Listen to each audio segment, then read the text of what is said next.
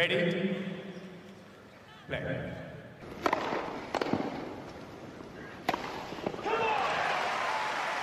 Merhabalar, Raket Servisi hoş geldiniz. Ben Gökalp. Ben Anıl, merhaba. Avustralya açık sonrası, Avustralya demeyeli de bayağı olmuştu. Artık bir, bir dinlendik, bir kendimize geldik. Bir hafta şöyle bir Hafif bir detoks. uzak kaldık. Aynen o. Hafif bir biraz, detoks. Biraz detoks oldu. Bu hafta geri dönmeye başladık. Çok güzel turnuvalar oynanıyor bu hafta. Geçen hafta da oynandı. Vedalar oldu bu hafta. E, Del Potro'ya veda ettik gibi artık %99. O tam bir şey söylememesine rağmen. Bugün güzel maçlar oynandı, finaller oldu. Bugün bunları konuşacağız. Del Potro'ya veda edeceğiz biz de burada. E, Felix'in ilk şampiyonluğunu konuşacağız. Biraz e, kısa kısa haber turu gibi olacak. Şubat ayları normalde böyle geçiyor zaten bilirsiniz. Böyle bir bölüm bizi bekliyor. Evet, geçen haftanın turnuvası değil ama en heyecanlı maçlarından birisi de YouTube'da Tenis Tabu olarak 2 Sigma Pi bir, bir Sigma kanalında e, Doğacan'ın moderatörlüğünde gerçekleşti. Onu da hemen e, reklamını yapalım. Çok re- keyifli bir tabu oyunu e, oynadık. Tenis tabu. Merak edenler Doğacan'ın kanalına e, bir göz atabilirler. Kıran Kıran'a bir mücadele oldu. İrem, Elif, ben ve Gökalp arasında. Bayağı eğlendik. Aynen. Daveti için de teşekkür ederiz. Çok güzel, çok yaratıcı bir konsept olmuş. Mutlaka bir göz atın.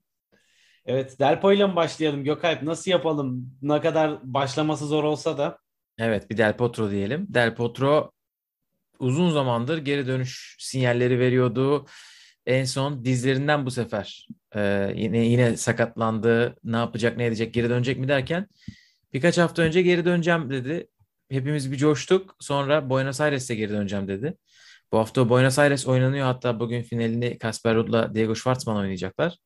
Orada geri dönüşünü söyledi ama turnuva öncesi basın toplantısında öyle bir giriş yaptı ki hepimiz dağıldık. Çünkü dedi ki bu bir geri dönüşten çok veda olabilir dedi. Zaten orada da e, gözyaşını tutamadı. İlk maçını bekle, beklemeye başladık. İlk maçında da Federico Delbonis'e e, kaybetti. 6-1-6-3. Ondan sonra seyircisine de orada veda etmiş oldu. Bir, bir Delpo analım. Neler yaptı, neler başardı, nasıl bu kadar seviliyor tenis dünyasında. Gerçekten çok ilginç bu kadar sevilmesi. Ee, çok değişik bir oyun stili var bence. Ee, çok hani bütün üçlüyü hani onlara karşı çok iyi bir e, nasıl diyeyim head to head e, istatistiği yok ama özellikle Federer'in böyle kritik maçlarını hatırlıyorum. Hepsini ama Nadal'ı da Djokovic'i de e, çok kritik yerlerde çok zorladı. Hepsini böyle acıttığı anlar var. Öyle büyük tenisçi e, 2009 Amerika Açık tabii ki onun kariyerinin en büyük şampiyonluğu ama sadece bununla da sınırlı değil deyip böyle kısa bir giriş yapayım. Paslaşırız. Biraz Del Potro konuşalım. Sonra haftanın maçlarına geçeriz.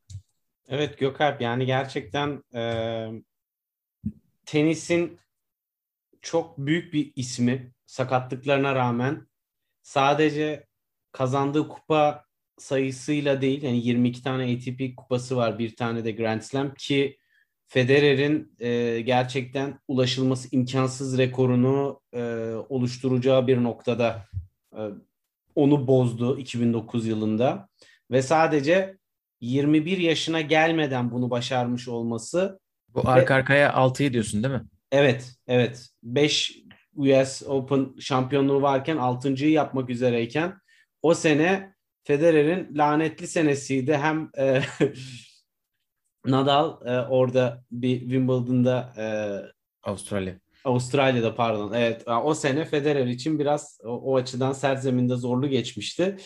Ama e, sadece Federer'i yenmesi veya işte Nadal'ı yenmesi değil bu isimleri gerçekten prime dönemlerinde çok iyi oynayarak yenmesi. Yani Del Potro'nun oyununu e, bilmeyenler için belki biraz hani böyle kariyerinin sonunda da olsa biraz anlatmakta fayda var. Zaten forehand'ini bilmeyen yok. Gerçekten bir çekiç ve e, torun çekici gibi istisnasız kime sorarsanız e, turda hangi oyuncunun forehand'ini istersiniz diye %99.9 Del Potro der. Böyle efsanevi bir forehand'i var. E, gerçekten ürettiği hız ve son anda yetiştiği toplarda bile üretebildiği hız ile rakiplerini kortun dışına o kadar atıyor ki maçı kazanmak çok zor oluyor iyi bir gününde. Evet. Bunun haricinde Bir forehand'ine ben bir ekleme yapayım mı Anıl? Çünkü Tabii. forehand'i başka hiç kimsede görmediğimiz bir tutuşu var.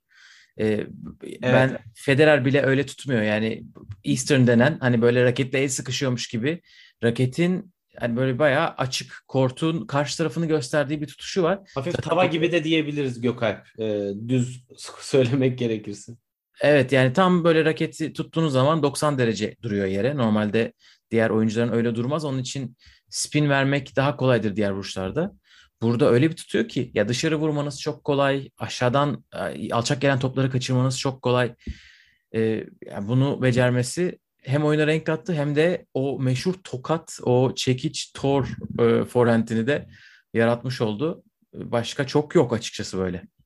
Yok ve yani onu zamanlamayı ayarlamak, topun yerden yüksekliğiyle geri vuruş açısını ayarlamak bunlar gerçekten böyle milimetrik ince ayarlar ve bunları seneler boyu durmadan yapabildi sakatlıkları haricinde ve o yüzden de her geri dönüşünde büyük maçlarda çok büyük tehditler oluşturdu. Hani e, bilmiyorum böyle epik maçlarından biri de böyle aklıma gelen e, Dominic Thiem'le olan maçı vardı. Hasta hasta ibuprofen alarak e, maçı kazanmıştı. Kimisi işte numara yaptı, hastaymış gibi yaptı. Sonra bir anda nasıl oynamaya başladı filan dedi. O maçı e, birçok dinleyici eminim ki hatırlayacaktır. 2-0'dan dönmüştü değil mi? 2-0'dan evet. Ve e, hani o tarz anlarda o kadar kuvvetli bir silah vardı ki sadece forehand'i değil ama işte. Yani e, slice'ını kullanma şekli bence turda o kadar önemli bir noktada ki rakiplerini oynamayı engelliyor. Oyunun temposunu düşürüyor. Anın yakaladığında da forehand'le işi bitiriyordu. Yani dolayısıyla sadece kendi de oynamıyordu. Aynı zamanda rakibin de oyununa çok büyük e, aşağıya çekme kapasitesine ve oyunun temposunu istediği noktaya forehand'ine gelene kadar ayarlayabilme şansına sahipti. O boyla o dönemde en iyi hareket eden uzak ara tenisçiydi ve çok özel bir tenisçiydi. Yani e, Federer'i bu noktada bir alıntı yapmak lazım. Çünkü onun söylediği çok doğru bence olan bir şey var. Eğer ki Del Potro bu kadar sakatlıkları olmasaydı biz bu kadar Grand Slam kazanamazdık. En az 4-5 kere bizi yenmişti tarzı açıklamaları olmuştu. Ki baktığımız zaman hangi büyük turnuvada, hangi büyük finalde ne olursa olsun çok büyük maçlar oynadı ve e, mesela hani Nadal'ı, Djokovic'i, Federer'i sakat oldukları maçlarda değil, farklı e, çok iyi oldukları maçlarda yendi. Bu da tenisin gerçekten tarihinin en elit oyuncuları arasında olduğunu gösteriyor. Tabii ki bunu istikrarlı bir şekilde yapamadı. Ve hani e, ben de Twitter'da paylaşmıştım. E, yaklaşık 2-3 yani böyle 12'ye yakın ameliyatı var. Hatta daha fazla da olabilir. O kadar çok sakatlığı var ki pardon sakatlığı. E, sadece e, dizinden geçirdiği ameliyat, bileğinden yaşadığı sakatlıklar bunlardan bu seviyelere geri dönmeyi başarmak bile ne kadar büyük bir karakter, ne kadar büyük bir sporcu ve disipline sahip bir insan olduğunu gösteriyor. Bu anlamda elde ettiği kupalarla değil sadece kararlılığı ve çalışkanlığıyla çok ilham verici bir oyuncu. Ve bunların dışında en önemlisi karakteri. O Evet. demin demiştin ya hani turda nasıl bu kadar seviliyor anlamıyoruz gibisinden. O kadar iyi kalpli ve aynı zamanda da herkesle iletişimi çok iyi. Kortta da gerçekten çok sportmen ve fair bir oyuncu olduğu için kendisinin olumsuz düşünülecek hiçbir şey olmadığı gibi göze çok hoş gelen agresif bir oyunu, sempatik bir gülümsemesi ve yüksek pozitif enerjisiyle yani sevilmemesi için bir sebep koymadığı için ortaya herkesin sempatisini kazanmış üst düzey bir oyuncu. Gerçekten turun çok özleyeceği bir karakter. Evet. Ee, Bence sakatlıklarının da bu kadar çok sevilmesinde biraz şeyi var, etkisi var tabii ki. Çok fazla, Biraz- çok çok uğraştı ve e, kaçırdı. Ya 2010 senesini olduğu gibi kaçırdı. Ondan sonra 2013'te bir kaçırdığı Grand Slam var. 2014-16 arası kaçırdı. Yine 2-3 defa geri geldi ve bu geri gelişler 100 numaraya düştü de oradan geldi değil. 700-800 numaralara düşüp her seferinde 3-4 numaraya çıkabilir mi ya bir oyuncu? 4 numaraya çıktı iki defa bir, bir defa geri dönüşünde 3 numaraya çıktı. Ee, ben de tekniği yani hareketliliği konusunda çok acayip bir noktada. Biz şimdi şu anda uzun oyunculara çok şaşırıyoruz nasıl güzel hareket ediyorlar diye. Hatta bana ba- bazen böyle eski uzun oyuncuların biraz hakkı yeniyormuş gibi geliyor. Çünkü şu anda ben böyle bazı yazılar görüyorum işte hem çok iyi servis atıp hem baseline'dan sürekli çok iyi oynayabilen oyuncular türedi falan diye. Bu eskiden vardı yani belki 2000'lerin başından beri bile vardı. Evet. Benim aklıma hep şeyler geliyor. Del Potter'dan da önce işte Safin falan da çok uzun boylu bir adamdı. Ama bu kadar yükseğe çıkaran bilmiyorum Del Potro kadar hani böyle iyi oynayabilen. O zaman mesela e, Berdih de bunu çok iyi yapıyordu. Söderling de çok iyi yapıyordu. Ama Grand Slam kazanamadılar. Yani Federer'le Nadal'ı aynı Grand Slam'de yenmek zaten onu yapabilen bir daha sanırım sadece Djokovic oldu. Yanlış hatırlamıyorsam. Başka yapabilen olmaması lazım. Yani Federer'le Djokovic'i yenenler oldu. Ama Federer ve Nadal'ı yenip Grand Slam kazanmak. birden yenen zaten yok bir turnuvada. Evet aynen. Yani çok acayip bir nokta. Ee, bir de şimdi böyle aklıma şöyle maçları geliyor deyince benim aklıma mesela Del Potro'nun çok fazla maçı geliyor. Federer'le olanlar öyle zaten. Djokovic'le olan Roma'daki maç. Djokovic'le olan e, olimpiyattaki maç. Olimpiyatta Djokovic ilk turda yenmesi. E, Nadal'la Wimbledon'da yaptığı maç 2018'de. E, acayip maçlar. Ya Federer'le zaten bir sürü maçı var ama Indian Wells'te maç sayısı çevirip yenmesi Amerika açık finalini hani bir kenara bırakıyorum. Basel'de de Federer'i yendi diye hatırlıyorum. Hani böyle Bir kere Gökalp 2012 ve 2013'te iki sene arka arkaya Federer'i finalde yendi bak. Herhangi bir turda değil. Finalde yendi. Basel hani Federer'in evi ve ne olursa olsun sonuna kadar e, kazanmak için mücadele ettiği bir turnuva yani. sonra Federer bir 2017-18 gibi yenmişti ama e, Evet, yapacağını yaptı. 2017'de yendi Federer onu sonra. Yani yapacağını yaptı Del Potro. Biraz başlara dönecek olursak yani çok büyük bir e, genç yetenek diye bakılıyordu zaten Del Potro için. E, işte Orange Bowl var, e, Junior Grand Slam'lerde iyi dereceler var. Sonra 2008 asıl patlayış senesi oluyor ve ilk ATP kupasını kazandığı gibi ilk 4 ATP kupasını arka arkaya kazanıyor 2008 yazında. Ve bunları hem toprakta hem sertte kazanıyor. İki toprak, iki sert turnuvası. Üstüne Amerika açık çeyrek finaline kadar maç kaybetmiyor. Hani bu turnuvalar şimdi derseniz ki Kasper Ruud'un geçen yaz yaptığı gibi turnuvalarsa hayır öyle değiller burada Kasper üstüne alınma kardeşim. Ee, burada Del Potro'nun yendiği bazı isimleri saymak istiyorum. Bu 25 seri maçlık galiba bir serisi var. Mesela Jürgen Melzer var. O zamanlar çok iyiydi. Gaske, Kohlschreiber ki bunları toprakta yenmiş. Andy Roddick ve Mardy Fish'i yarı final ve finalde yenmiş Los Angeles'ta. John Isner, ondan sonra Guillermo Cañas, Gilles Simon, Kei Nishikori diye gidiyor. En son Andy Murray'e kaybediyor ki Andy Murray zaten o sene finale yükseldi. Amerika açıkta Federer'e kaybetmişti. Ondan sonraki sene zaten şampiyon oluyor Amerika açıkta. Ki Federer'le oynadığı ilk maçı hatırlarsanız o sene Avustralya açıkta Federer 3 oyun kaybetmişti sadece. 6-3, 6-0, 6-0 yenmişti. Sonra bir insan oradan nasıl dönebilir derken e, Del Potro önce Fransa açıkta 5 setlik bir maç oynattı Federer'e. Ondan sonra Amerika açıkta kazandı. Böyle aşama aşama geldi. E, bunun dışında tabii geri dönüşleri bir yana e, başardığı şeyler Indian Wells'i kazandı 2018'de. Bir de 2016'da Arjantin'in ilk Davis Cup şampiyonluğu onunla beraber geldi. E, 2016 olimpiyat zamanı ya, olimpiyatta da acayip oynadı Del Potro tabii. E, ilk tur Djokovic galibiyeti hep hatırlanıyor ama yarı finalde de e, Nadal'ı yenmişti e, orada Del Potro.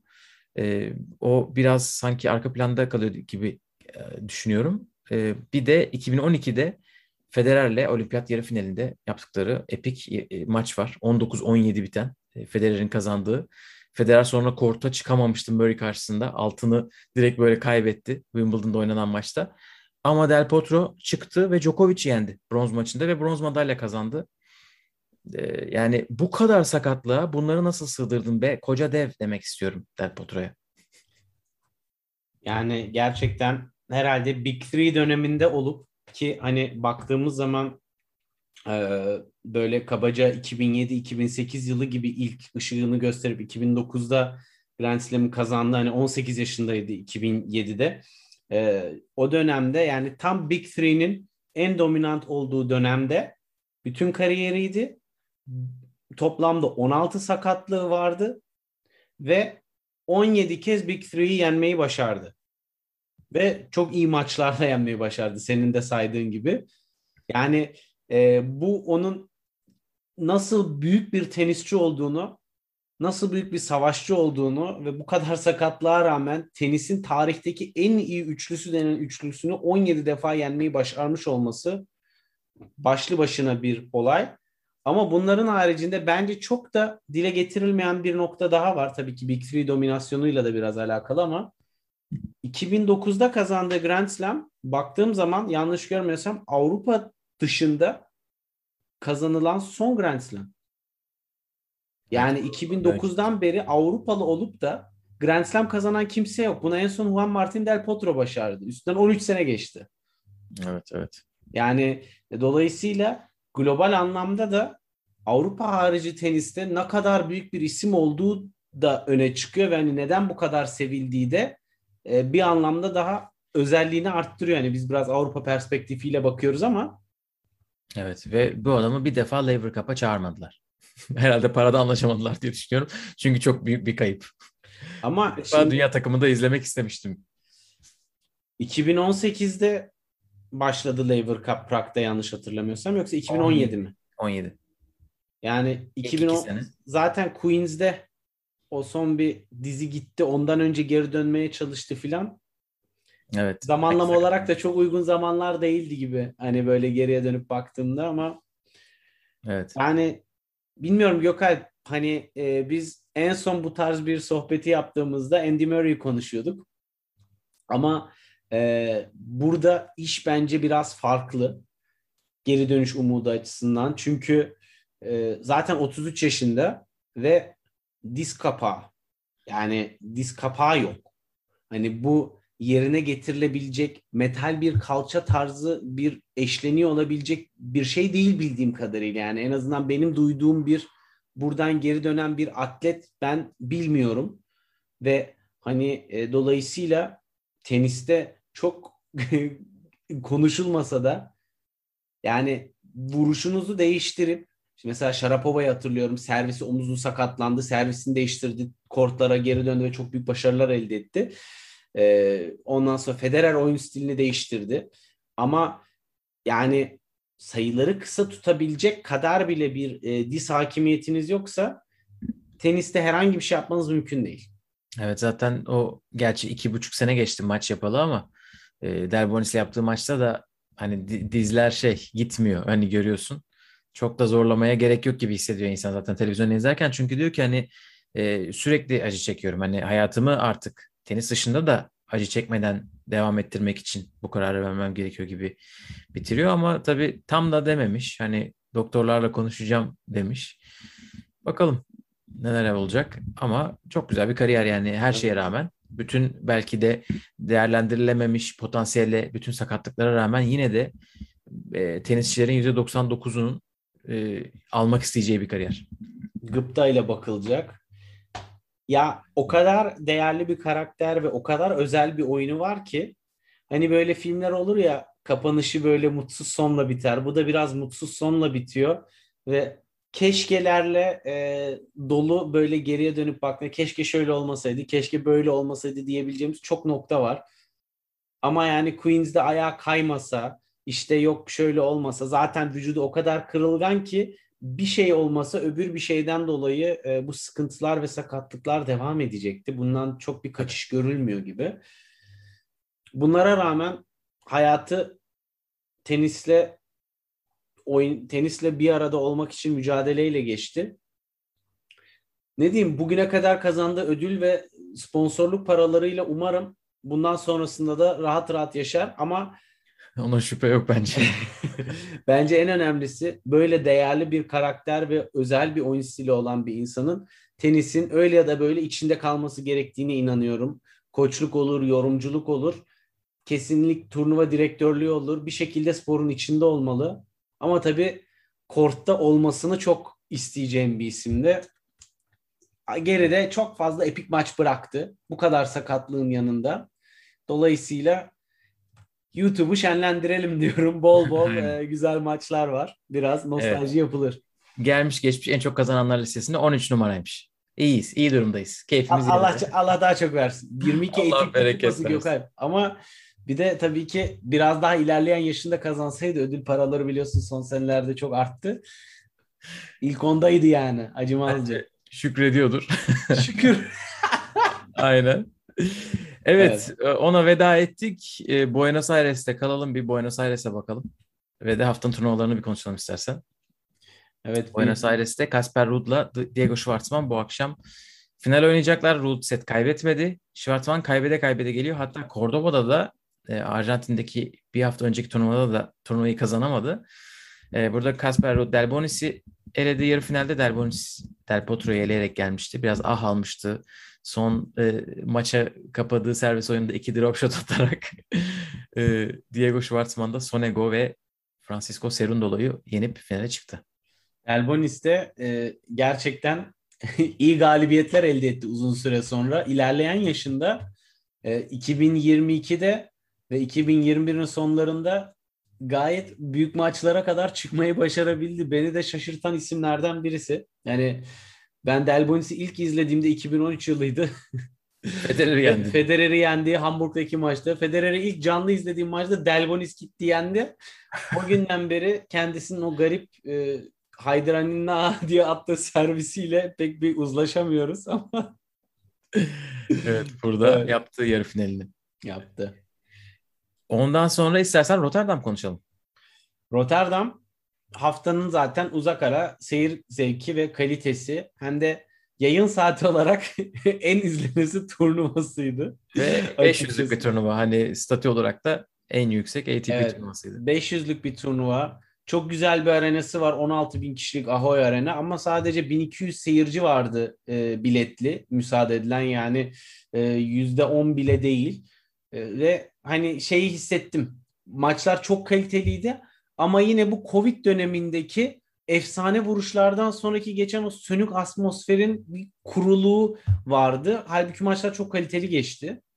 Özellikle yani e, büyük isimlerin birbiriyle eşleşmesi çok da iyi bir katılımcı tablosu vardı. Yani hani Deminor Tsitsipas iyi maçtı. Felix Murray çok iyi maçtı. Bence burada biraz da Felix konuşabiliriz. Fin, yani Felix'i zaten final, yarı final her yerde bir konuşmak lazım da e, bayağı iyi bir eşleşmeler vardı. Bir de tabii ki e, ilk turda Davidovic Fokina ile Tsitsipas çok iyi maç oynadı. Fakat en önemlisi burada ilk turdan itibaren büyük bir sürpriz yapıp senin e, ön plana daha öncesinde belirterek çıkardığın ve kariyer turnuvasını gerçekleştiren Lehechka Elemeden geldi evet. elemeden geldi. İstiyorsan Lehechka ile bir başlayalım kısaca bir Felix'le başlayalım ya. Şimdi Felix burada ilk şampiyonluğunu kazanmış. Yok Adam 9. efsanevi bir olay bence artık. Ee, tabii ki şunu da eklemek lazım. Tsitsipas'ta 8. ATP 500 finalinden buruk ayrıldı. O çok önemli değil bence. Ama hani böyle Felix şeyler. 9. finalinde kupayı kaldırdı nihayet. Maç Evet. sonundaki rahatlamasını gördün mü? Evet evet. Bir de Yani- maç içerisinde de çok hani herhalde bir, bir şey yap, renk vermek istemedi. Heyecanlı göstermek istemedi ama maç zaten maç için servis atmaya giderken sürekli bir konuşuyordu kendi kendine. Ağzı durmuyordu. Bir de ilk sayıyı aldıktan sonra çok güzel bir sayıyla aldı. Orada da bir takıma dönüp haydi falan diye bir bağırdı. Yani iki sete de breakle başladı ve inanılmaz servis attı bugün. Ee, yanılmıyorsam servisinde birinci servisini içeri düştüğünde iki puan kaybetti. Bir ya da iki puan kaybetti. Yani o kadar karşılanamaz derinlikle ve açılarla servisini attı ki Tsitsipas servisini kırdırdıktan sonra ikinci sette bu maç gitti psikolojisine girdi. Ee, ama yani bence maçın özeti çok net. Felix erken servis kırdı. Tsitsipas'ın birinci servisi de etkisizdi. Felix'in önde karşıladığı ve çok etkili olduğu ikinci servis returnlerinden dolayı birinci servisini içeri atma psikolojisiyle Tsitsipas riski azalttı. Böylelikle birinci servis etkinliği de düştü. Ve maç yağ gibi aktı Felix'in kucağına düştü kupa. Ama Felix'i sadece bu kupa özelinde değil Avustralya'nın başlangıcından beri, bu senenin başından beri müthiş bir momentum yakaladı. ATP Cup'ta olsun, Avustralya açıkta olsun acayip maçlar, acayip galibiyetler elde etti.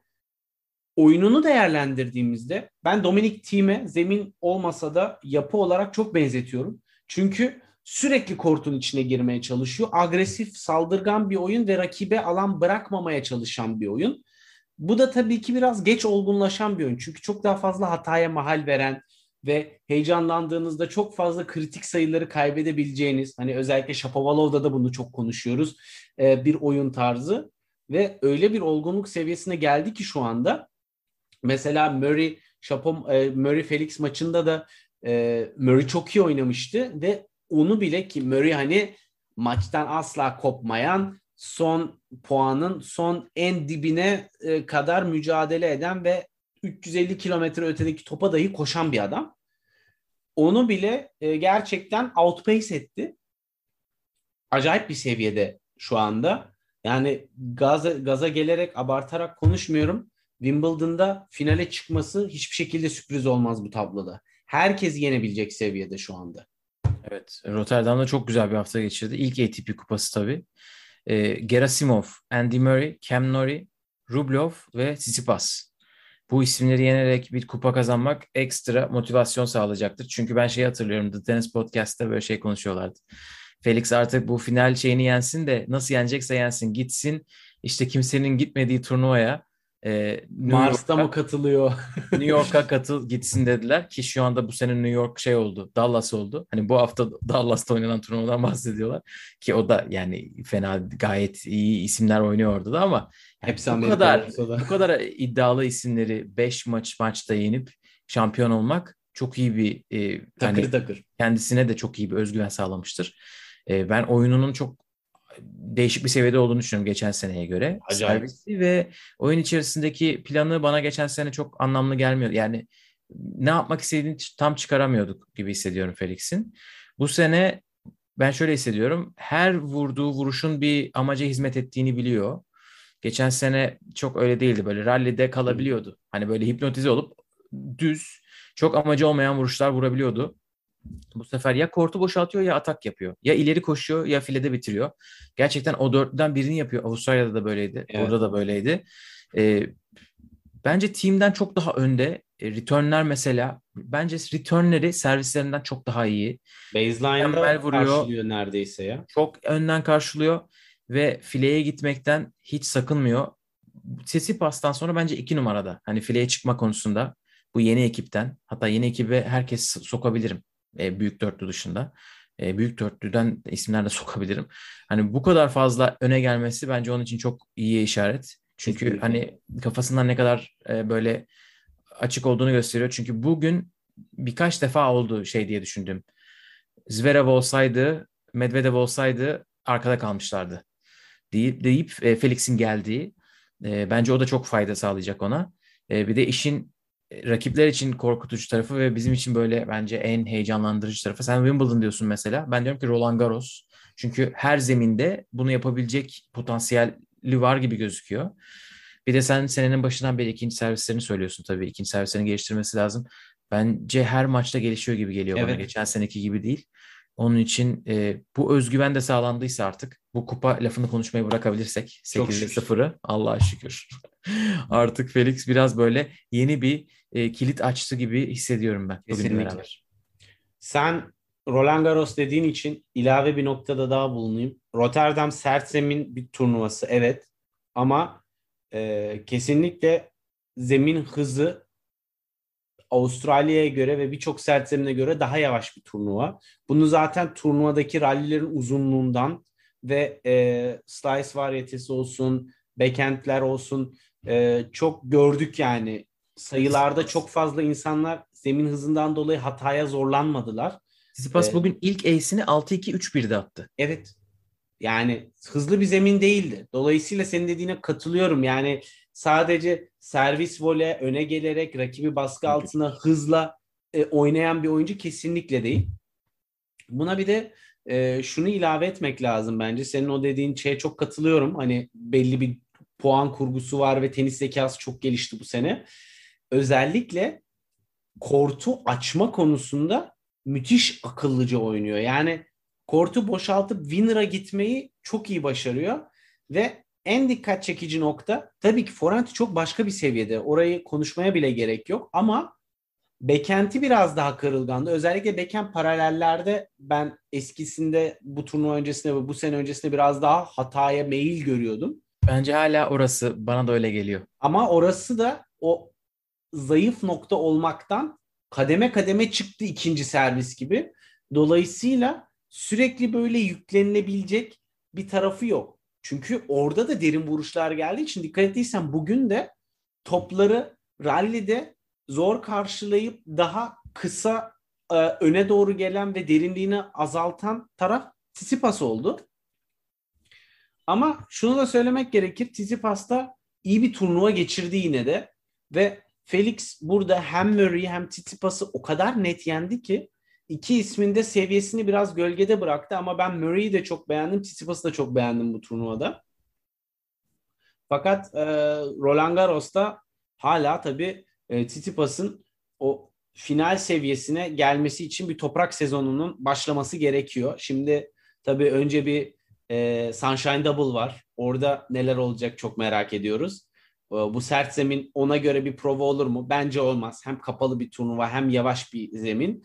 E, ama e, yine de çok zorlu e, bana sorarsan ATP 500 seviyesindeki Dubai genelde bu konuda katılımcı olarak çok üst düzeydedir ödül parasından dolayı.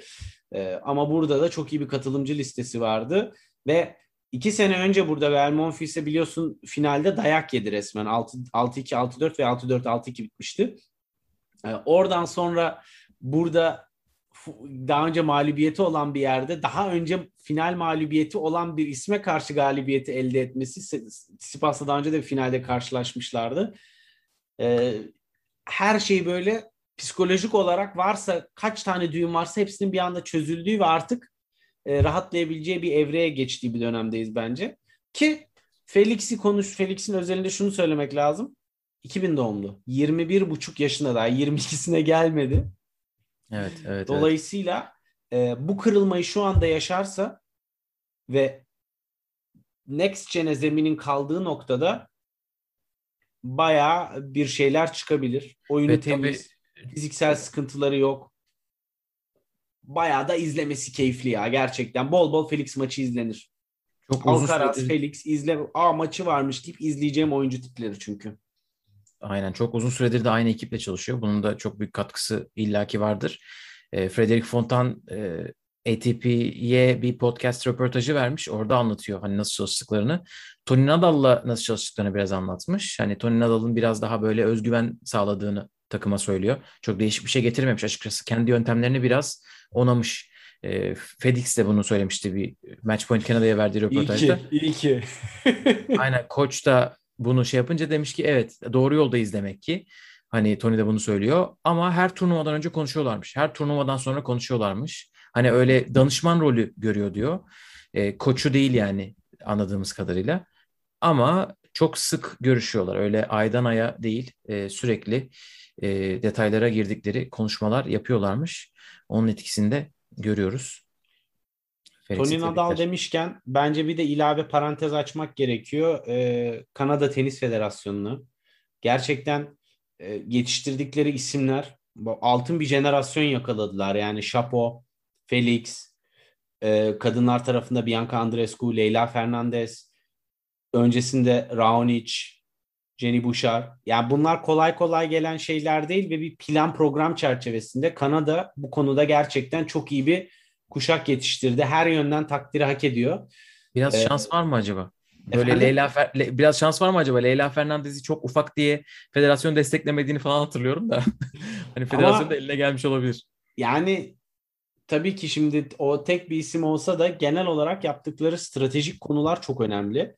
Mesela biliyorsun e, Masters turnuvaları düzenleniyor hem kadınlarda hem erkeklerde ve buradaki e, elde edilen gelirin önemli bir payı gençlik e, yani genç yetiştirme e, fonuna aktarılıyor. Sadece genç oyuncu havuzuna para aktarmak için. E, bu da zaten vizyonu genel olarak gösteriyor. ATP Cup'ta elde, ettikleri başarı da bunun bir meyvesi. Hani burada tabii başka isimler de var. Kanadalı sayabileceğimiz Başak Pospisil gibi ama tabii ki Felix ve Chapo Raonic'ten sonra gelen en özel erkek tenisçiler şu anda Kanada adına bu sistematikle başarı da devamlı gelecektir. Hani Kanada tenisi, İtalya tenisi bunlar e, bu kadar isim havuzunu boş yere çıkarmadılar. Öyle evet. bireysel başarılar değil. Çok iyi e, tenisçi çıkaran bir ülkede Çekya deyip istiyorsan biraz Lehechka konuşalım. Çok güzel bağladın. Döndün. Kadınlar da sürekli çıkartıyorlar. anda halkayı Erkeklerde, tamamlıyoruz. erkeklerde çıkmıyor mu Çekler derken şu anda Çekler üzerimize erkek fırlatıyorlar. Yiri Lehechka geliyor. Tomasz Mahac geliyor. Ondan sonra bir tane daha junior şampiyonları var. Şu anda ismi aklıma gelmiyor. Erkeklerde yine. Bir de bunların dışında işte Vitko Priva ile falan uğraşıyoruz biz Cem Altuğ özelinde. Hani bizim ekiple lanetli ya gerçekten lanetli yani. Aynen. Çekler çıkartıyorlar. Lehechka ile Mahaç'ta geçen senenin sonlarına doğru zaten zaten Challenger kazanmışlardı. Hani sıfırdan çıkmıyorlar. Hani Ch- Challenger'da zaferleri vardı. Ama e, aşama aşama geldiklerini gösterdiler. Özellikle ben Lehechka'nın Holger Rune ile bir maçını izlemiştim. Hani orada evet şey diye düşündüm evet bu ekip yeni gelen ekipte olacak. İlk 20 kesin gidiği gördüğünüz isimler olur ya böyle izlediğiniz zaman. Bana biraz öyle gelmişti.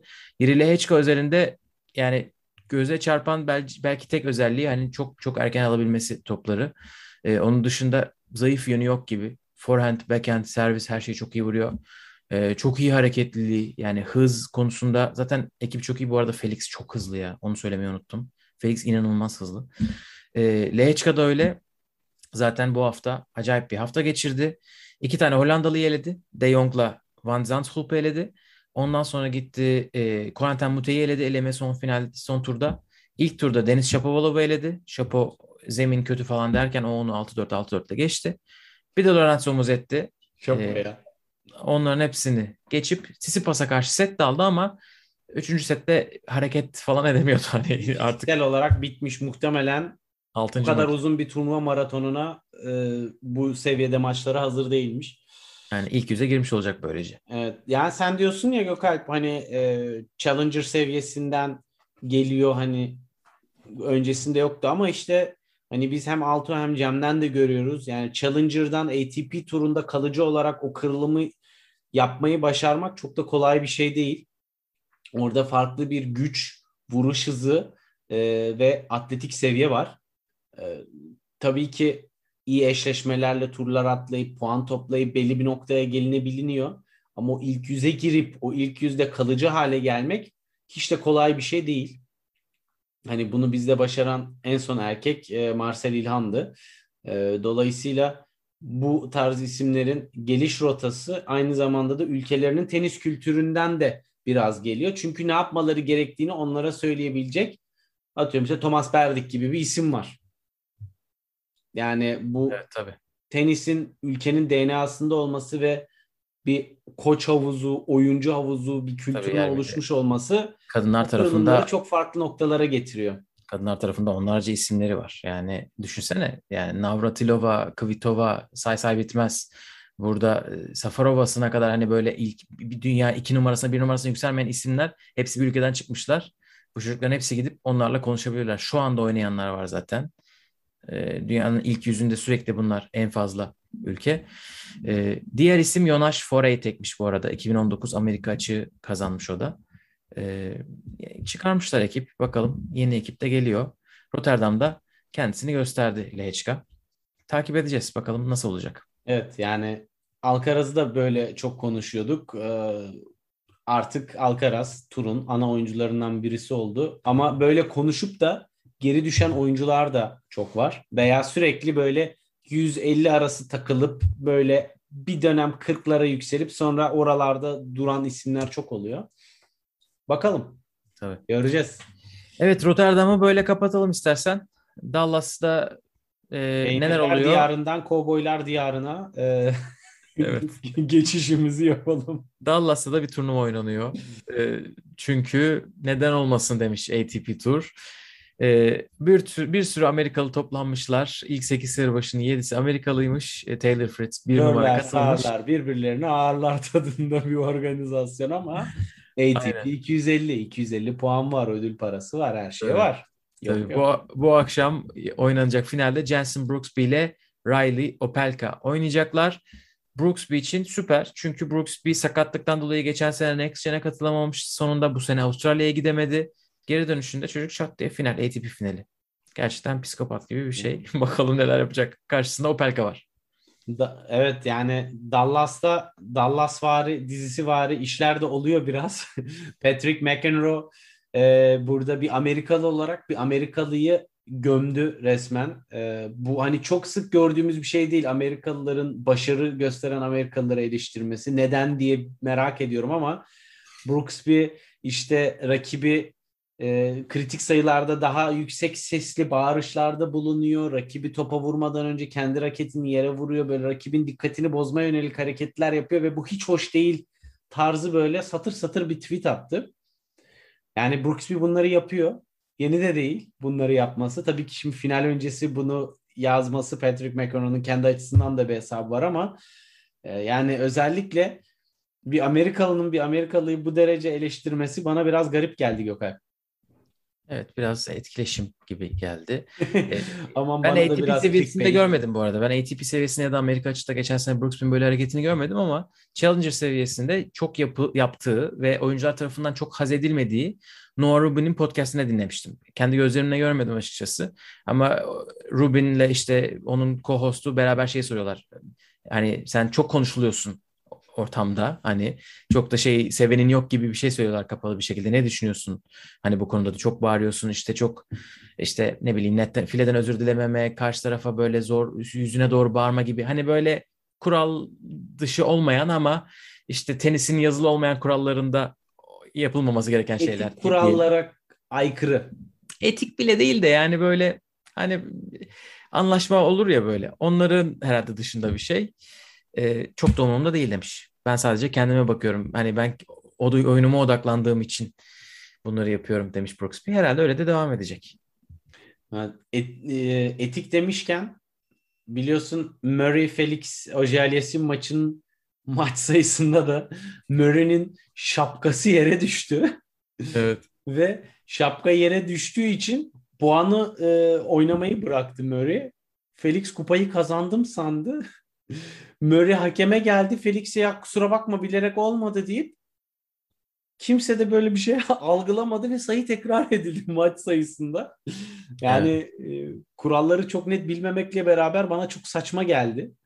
Yani Felix'in orada... şeyine kalmış orada anladığım kadarıyla. Çünkü hakem bir karar vermiyor. Hakemin orada sessiz kalması biraz üzücü olmuş. Çünkü Alex de Minaur ayakkabısız sayı bitirdi Avustralya'da bu sene. Evet. Yani Bunlar yaşandı. Şapkasız sayı oynanmıyor mu? Saçmalık. Bunlar Ama e, oradan çok kısa bir geri döndükten sonra Dallas'ta bir de bir rekor oldu.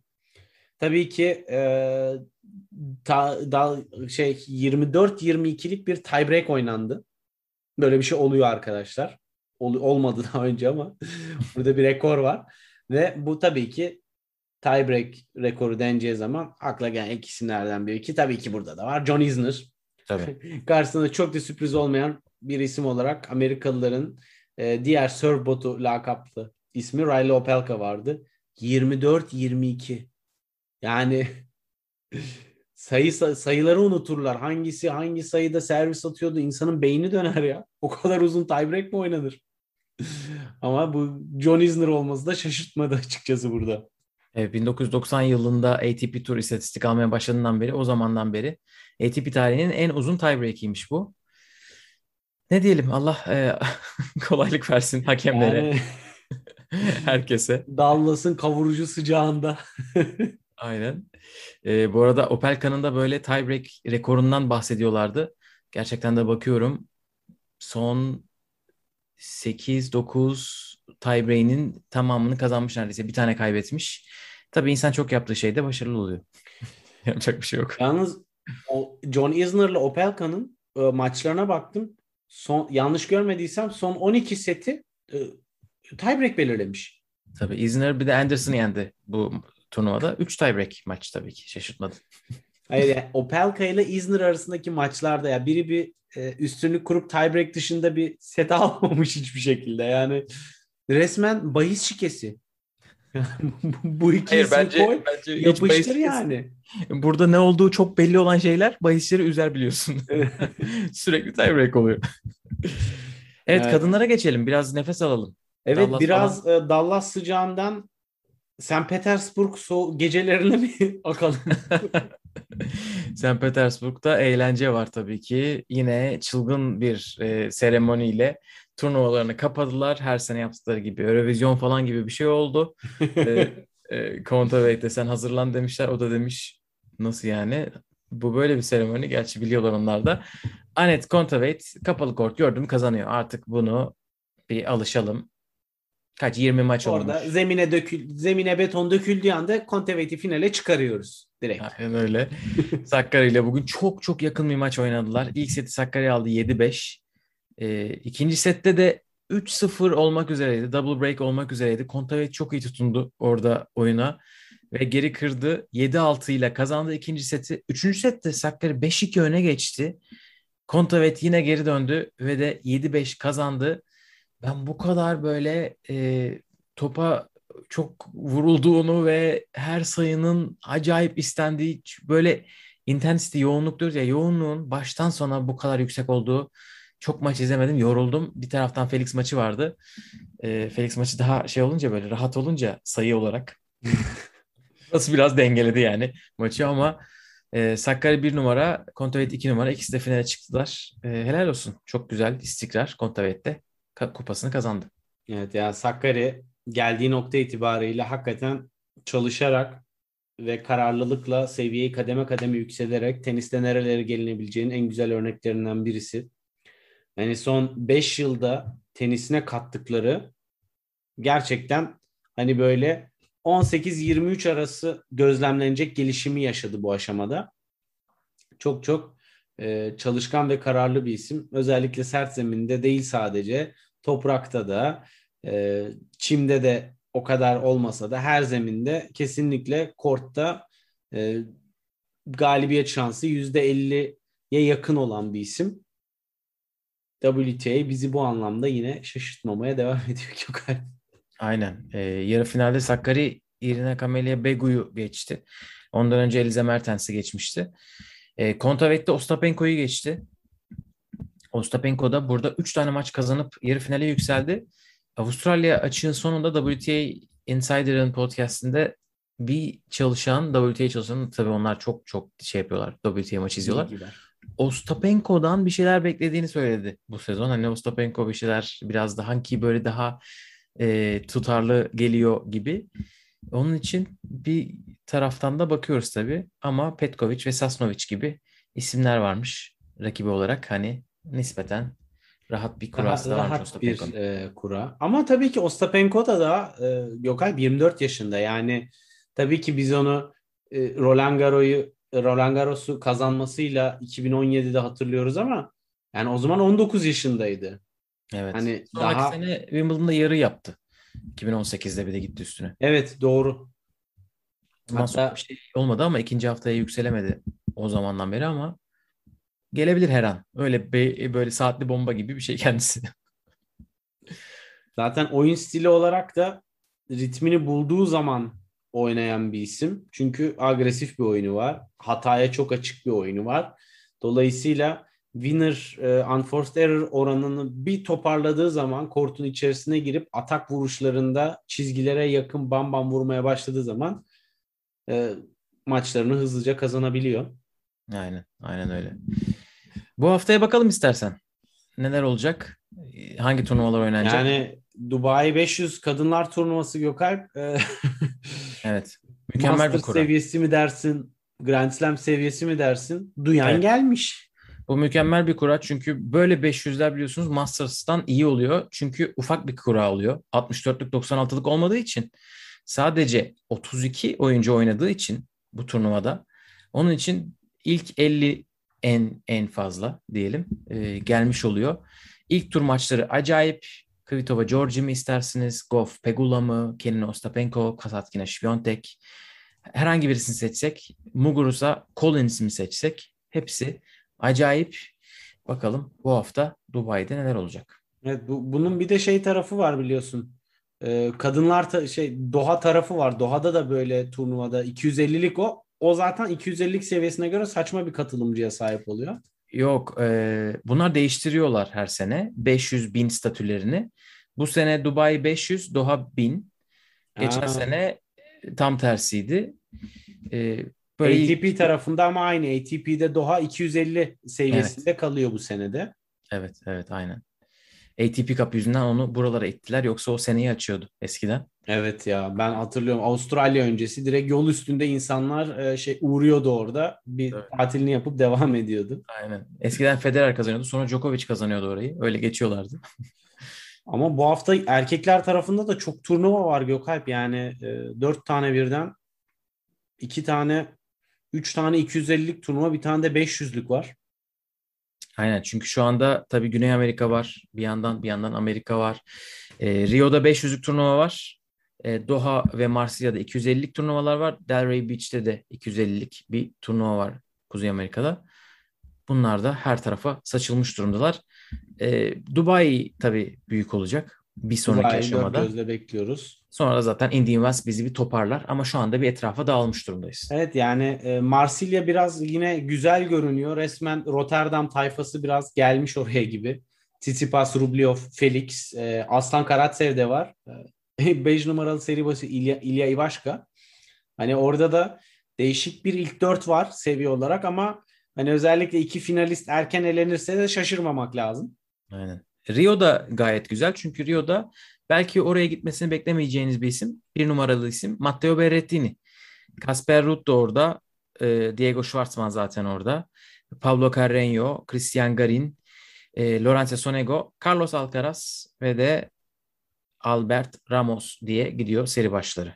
Evet, e, oranın en heyecan verici ismi bana soracak olursan tabii ki bir Carlitos Kasper eşleşmesi olursa o maçı saat kaç olursa olsun izlemekte fayda var bence. Kaçmamalı bayağı iyi maç olur. Ama gönül isterdi ki Dominic Thiem de orada diyelim ama onu e, sert zeminde bekliyor olacağız. İnşallah o zamana kadar e, bu nükseden sakat, nükseden değil de yeni gelişen hafif sakatlığı e, iyileşir. Elemelerden de Keçmanovic gelebilir. O da burada ne yapacak merak ediyorum. O da bu sene patlama yapmasını beklediğimiz isimlerden bir tanesi. Yani Avustralya çıktıktan sonra toprakta da olabilir. Evet, birilerinin çekilmesi lazım ama onun böyle bir davalık olması lazım. Nadal'la oynayan Yannick Hanfman da burada elemelerde. Yani ilginç bir e, Rio turnuvası var. Evet. Fırsat Doha'da- turnuvası gibi görünüp sağlam da bir kadrosu var 500'lük olduğu için tabii. 500 tabii 500 her sene ilginç hikaye çıkartıyor Rio. E, Doha'da Deniz Shapovalov var. Roberto Bautista Agut 2 numara. 3 numara Nikolos Basilashvili. 4 numarada Çiliç. E, Andy Murray buradan da wildcard aldı. Doha'da şu anda kendisi. Alsın ya Gökalp alsın yani Andy Murray'e wildcard vermemek bence zaten çok e, yani akıllıca bir şey değil. Kaçmış bir Oynadığı seviye e, Felix maçı yani bir kurayla ya aslında Murray şu anda neyi çok güzel gösteriyor biliyor musun? Ne kadar iyi tenis oynarsan oyna erkenden çok üst düzey isimlerle karşılaştığında o sıralamayı kırmak epey zorlayıcı. Yani burada da mesela Rotterdam'da Felix yerine başka bir isimle oynasaydı yarıyı görebilirdi. Evet ama yani tam tersi şeyler de oldu. Böyle çok iyi maç yapıp Taro Daniel'e biraz böyle daha tam 60 70 80 numarada yenmesi gereken isimlere de kaybettiği oldu. Evet. Bir tane öyle çok büyük güzel bir Antwerp e, haftası gibi bir hafta geçirse herhalde ona iyi olacak. Ondan Delray sonra- Beach'te de tabii Amerikalılar toplanmışlar. E, Cam Norrie e, orada bir numara. E, Dimitrov davetiye almış. Onlar dışında Amerikalılar hep orada da turnuva oynayacaklar. Evet, Evet, bizden bu bakalım kadar nasıl diyelim mi? olacak. Delray Beach'te her sene sürpriz şampiyon çıkarmasıyla meşhur bir yer daha ziyade. E, bu sene normal haftasına döndü. Evet. Yani e, irili ufaklı birçok turnuva var. Bu haftalarda benim şahsi tavsiyem fikstürleri takip edin, güzel eşleşmeleri yakalayın. Tek bir turnuva takip etmek biraz e, sıkıcı maçlara yakalamaya sebebiyet verebilir. Eğer eğer güneydeyseniz ya da güneybatıdaysanız Antalya'da 25'lik turnuvalar başlıyor. Çünkü şu ana kadar 15'lik vardı. Hem kadınlarda hem erkeklerde 25K'lık turnuvalar var. Gidip de bizim oyuncularımızı da görebilirsiniz. İleriden böyle Doğru. çok büyük işler yapacak oyuncuları da izleyebilirsiniz. Ee, şimdi 25K'lık turnuvalar başlıyor diye onu da söyleyelim. Hatta oradan da hemen hatırlatmamızı yapalım. Ee, orada da şu anda elemelerde e, Ayla elemeyi geçti. Benim takip ettiğim isimler arasında ilk turunu. O da ana tabloyu çıkarsa 25K'da onun için de iyi olacak. Ama e, Antalya'daki bu turnuvalar bizim kadın tenisçilerimiz için şu anda çok büyük fırsat. Çünkü burada elemeleri geçmeleri demek ilk bine merhaba demeleri demek. E, ve dolayısıyla başka turnuvalarda da elemelere katılmak, ana tabloya davetiye almak vesaire için önemli fırsatlar. Dolayısıyla bu tarz turnuvalarda oyuncularımızı desteklemek, onların burada puan kazanması kariyerleri açısından da çok önemli bir e, aşama. Evet istersen kapatalım burada bu bölümü. Bundan sonra biraz daha turnuva ağırlıklı gideriz. Bu sefer biraz toparladık, haber turu yaptık. Bizi dinlediğiniz, izlediğiniz için teşekkürler. Eğer yeni bizi izlemeye, dinlemeye başlıyorsanız biz her yerde varız. YouTube, Spotify, SoundCloud, Apple Podcasts her yerden Raket Servis diye aratıp abone olabilirsiniz. Instagram ve Twitter'dan da bizim paylaşımlarımızı takip edebilirsiniz diyelim. Ve teşekkür ederim. Bir sonraki bölüm görüşmek üzere. Hoşçakalın. Hoşçakalın.